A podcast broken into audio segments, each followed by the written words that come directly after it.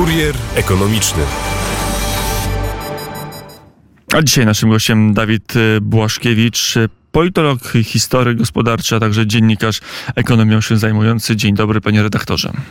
Witam serdecznie. I temat y, euro. Patrzymy na dyskusję w Polsce, bo przy okazji każdych niemalże wyborów, zwłaszcza tych parlamentarnych, wraca temat, czy Polska powinna iść do euro, czy do euro iść nie powinna. Coraz więcej krajów będących członkiem Unii Europejskiej do strefy euro wchodzi, więc i pole do różnych analiz, do takich badań porównawczych jest coraz szersze.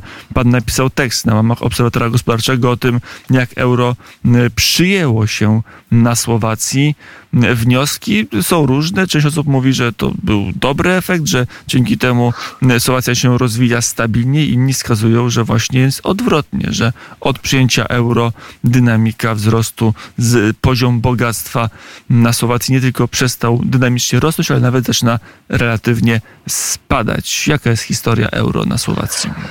E, właśnie tak. Tutaj można zaznaczyć dwa punkty.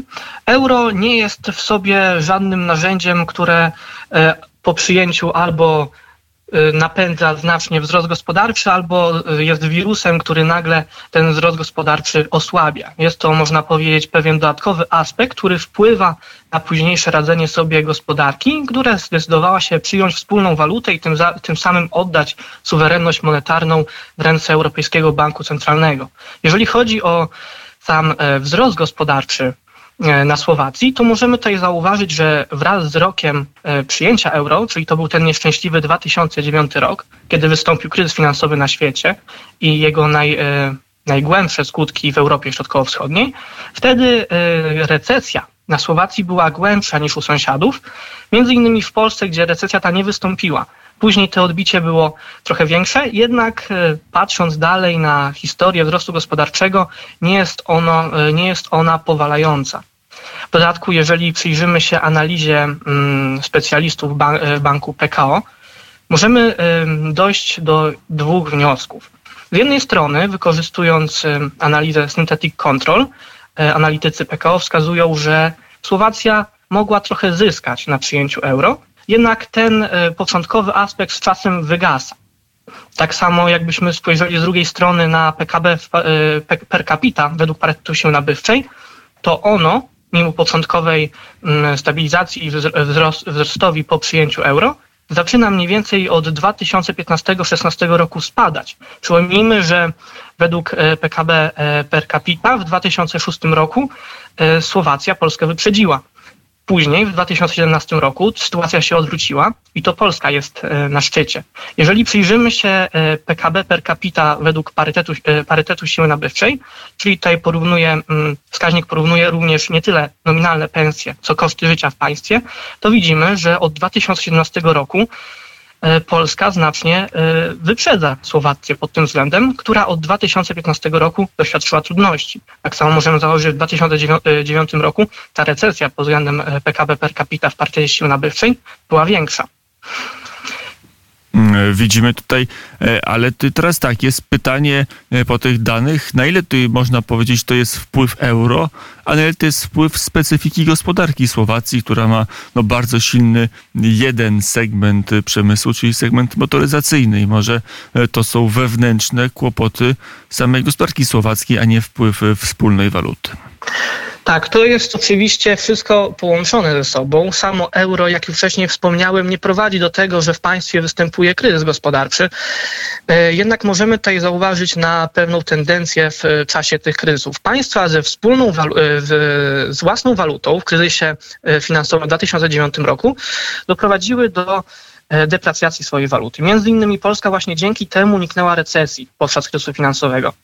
Słowacja dlatego że przyjęła euro w 2009 roku, nie, mogła, nie była w stanie tego dokonać. A, a deprecjacja e, własnej waluty w czasie recesji, tej koniunktury sprawia, że eksport jest e, większy w państwie, dzięki czemu zagraniczni inwestorzy chętnie kupują nasze towary, co napędza naszą produkcję i między innymi dzięki temu e, recesja jest płytsza. Mieliśmy dodatkową powtórkę z tego w 2020 roku, kiedy NBP osłabił polskiego złotego, dzięki czemu nasza recesja była płytsza w porównaniu do innych państw, a odbicie gospodarcze w 2021 roku było większe. Więc e, jeżeli chodzi o płynny kurs walutowy, on w pewien sposób automatycznie pozwala dostosowywać e, cykle koniunkturalne do, do potrzeb państwa. Jeżeli chodzi na przykład o euro, tam stopy procentowe czy kurs walutowy jest ustalany w Europejskim Banku Centralnym, który ma na uwadze całą strefę euro, między innymi takie duże gospodarki jak Niemcy czy Francję i to właśnie tam skupia swój największy ciężar, jeżeli chodzi o decyzyjność. Między innymi e, stopy procentowe w strefie euro są niższe niż na przykład w Polsce. W Polsce e, optymalne stopy procentowe e, do rozwojującego państwa są wyższe niż optymalne stopy procentowe dla największych gospodarek Unii Europejskiej, czyli Francji i Niemiec. Tego stopy w strefie euro są niższe i przez to między innymi państwa bałtyckie i Słowacja przez długi czas były e, zmuszone zaakceptować niskie stopy procentowe i jednocześnie wyższą inflację u siebie. A z drugiej strony jest tak, że no komuś to euro musi y, służyć, bo jeżeli y, słyszymy w polskiej debacie publicznej, że wielu ekonomistów, zwłaszcza tych z głównego nurtu mm, liberalnych, uważa, że bo wśród lewicowych jest różnie, wśród prawicowych e, również jest raczej niechęć. Nawet ci liberalni, którzy nadawali przez wiele lat, nawet dziesiątek lat, główny nurt debacie ekonomicznej, no mówią, trzeba iść do euro, bo to jest zbawienne. Politycy w większości większości partii także również mówią przyjmować euro jak najszybciej, no to skoro dla całych gospodarek to jest usztywnienie i mniejsza elastyczność i mniejsza odporność na kryzysy, no to może jednak ktoś zyskuje. Kto by zyskał na wprowadzeniu euro? Właśnie tutaj e, trzeba zdać sobie sprawę e, z kilku takich podstawowych elementów. E, euro nie jest projektem stricte gospodarczym. On, ono ma na celu integrację europejską. Wspólnoty europejskie, później Unia Europejska, to jest projekt, który ma na celu pogłębienie integracji europejskiej na, na początku na podstawie gospodarki czyli wspólny, wspólny rynek wewnętrzny, później wspólna waluta, która jest takim jakby zwieńczeniem całego procesu integracyjnego. I dopiero później, jeżeli chodzi, to, e, chodzi o euro, to są aspekty gospodarcze. Jeżeli chodzi o zyski z euro, kto e, je otrzymuje, tutaj również zdania są podzielone, bo można wykazać szereg korzyści z euro, bo na przykład jeżeli państwa wspólnoty miałyby e, wspólną walutę, na przykład wymiana walut przestaje obowiązywać. Tutaj gubimy koszty związane właśnie z obsługą wymiany walut, koszty przewalutowania i tym podobne rzeczy, dzięki czemu wymiana handlowa może wzrosnąć. Tutaj było mm, prowadzone badania, że od 5 do 15%, w innych badaniach jest ten przedział wskazywany od 2 do 5%, więc tutaj jeszcze jest pole do analiz. Jeżeli jednak chodzi o mm, same korzyści gospodarcze wzrostu, to y, nie jest tak e, jednoznacznie. E, było przeprowadzone jakiś czas temu badanie przez Petera Drew, który zbadał mm, państwa starej Unii pod względem wzrostu gospodarczego. To było dokładnie osiem wybranych państw, jak Austria, Belgia, Francja, Niemcy, Grecja, Włochy, Niderlandy i Hiszpania e, oraz tak, e, te osiem państw. I wyszło z tego, że tak naprawdę Unia, strefa euro nie ma prawdziwych zwycięzców, że mm, państwa posiadające wspólną walutę rozwijają się mm, stosunkowo słabiej od państw, które tej waluty mm, wspólnej nie posiadają, które posiadają własną walutę, ewentualnie suwerenną politykę monetarną.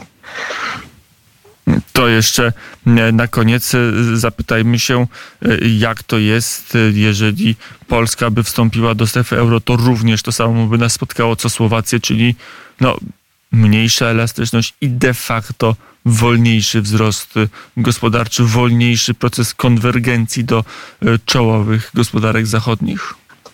To e, zależy. Przede wszystkim musimy zwrócić uwagę, że e, struktura gospodarek państw Europy Środkowo-Wschodniej jest stosunkowo różna od struktury gospodarek państw zachodnich. I to również wpływa na skuteczność polityki monetarnej prowadzonej przez Europejski Bank Centralny.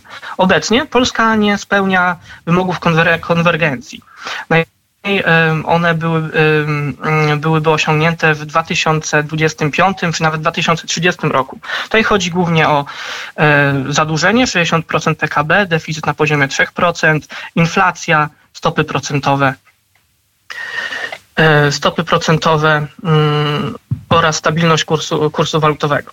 Więc jeżeli nawet teraz chcielibyśmy już od razu przyjmować euro, my nie jesteśmy w stanie tego zrobić, ponieważ nie spełniamy warunków. Jeżeli chcemy z całych sił przyjąć euro, do czego się zobowiązaliśmy. Tylko dwa państwa e, e, zarezerwowały sobie możliwość niewstępowania do Unii Walutowej. Jest to Wielka Brytania, która już należy do Unii Europejskiej oraz Dania. Jeżeli chcielibyśmy to zrobić, to przede wszystkim powinniśmy przeprowadzić reformy strukturalne, które zbliżyłyby nas e, strukturą gospodarki do państw zachodnich, dzięki czemu moglibyśmy podobnie reagować na szoki gospodarcze i szoki podażowe. Ponieważ wtedy można by było bardziej zoptymalizować politykę monetarną Europejskiego Banku Centralnego.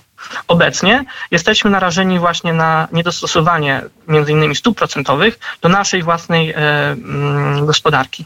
A byłby taki moment, kiedy nie tylko przyjęcie euro nie byłoby, byłoby neutralne dla polskiej gospodarki, dla jej tempa rozwoju, ale byłoby zbawienne, czy, czy, czy albo pomagałoby rozwojowi, tak jak wielu ekonomistów uważa, że euro bardzo pomogło gospodarce niemieckiej. Czy jest jakiś taki zespół wskaźników, który by powiedziało, ok, teraz możemy wejść do strefy euro i nawet na tym trochę zarobimy.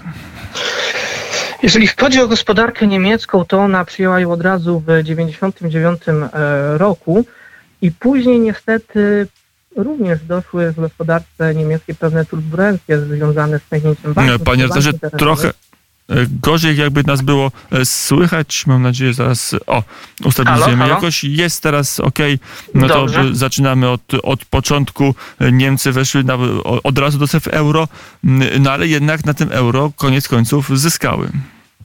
Właśnie ta sprawa również nie jest jednoznaczna. Mówi się, że najbardziej zyskują e, Niemcy i państwa Beneluxu. E, To wynika między innymi dlatego, że Niemcy są największą gospodarką, jednak e, w Unii Europejskiej. Jak spojrzymy na dane wzrostu gospodarczego, to w 2022 podczas pęknięcia banki internetowej Niemcy doświadczyły recesji i wtedy naciskały na bank, Europejski Bank Centralny, aby deprecjonował euro. Ponieważ jego, zdaniem Niemiec wtedy recesja była wynikiem zbyt silnego euro, co umożliwiało e, wystarczający eksport ich towarów, głównie motoryzacyjnych. Więc tutaj też na początku były pewne nieścisłości, mimo że Europejski Bank Centralny mm, był wzorowany na Deutsche Bank.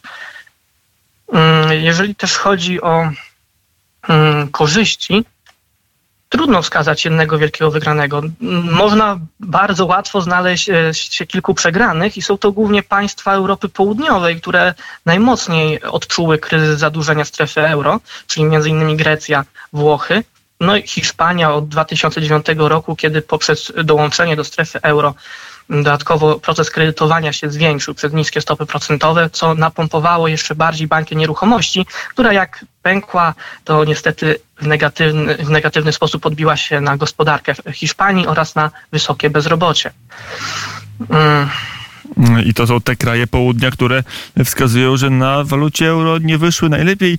No w Hiszpanii i tak gorącej dyskusji nie ma, ale już Włochy, które de facto od czasów e, kryzysu finansowego, a może to nawet i wcześniej tkwią w stagnacji. Tam dyskusja o tym, czy euro nam się przydało, czy nam pomogło, jest dość zaawansowana. O, o, o Grecji już nie wspominam.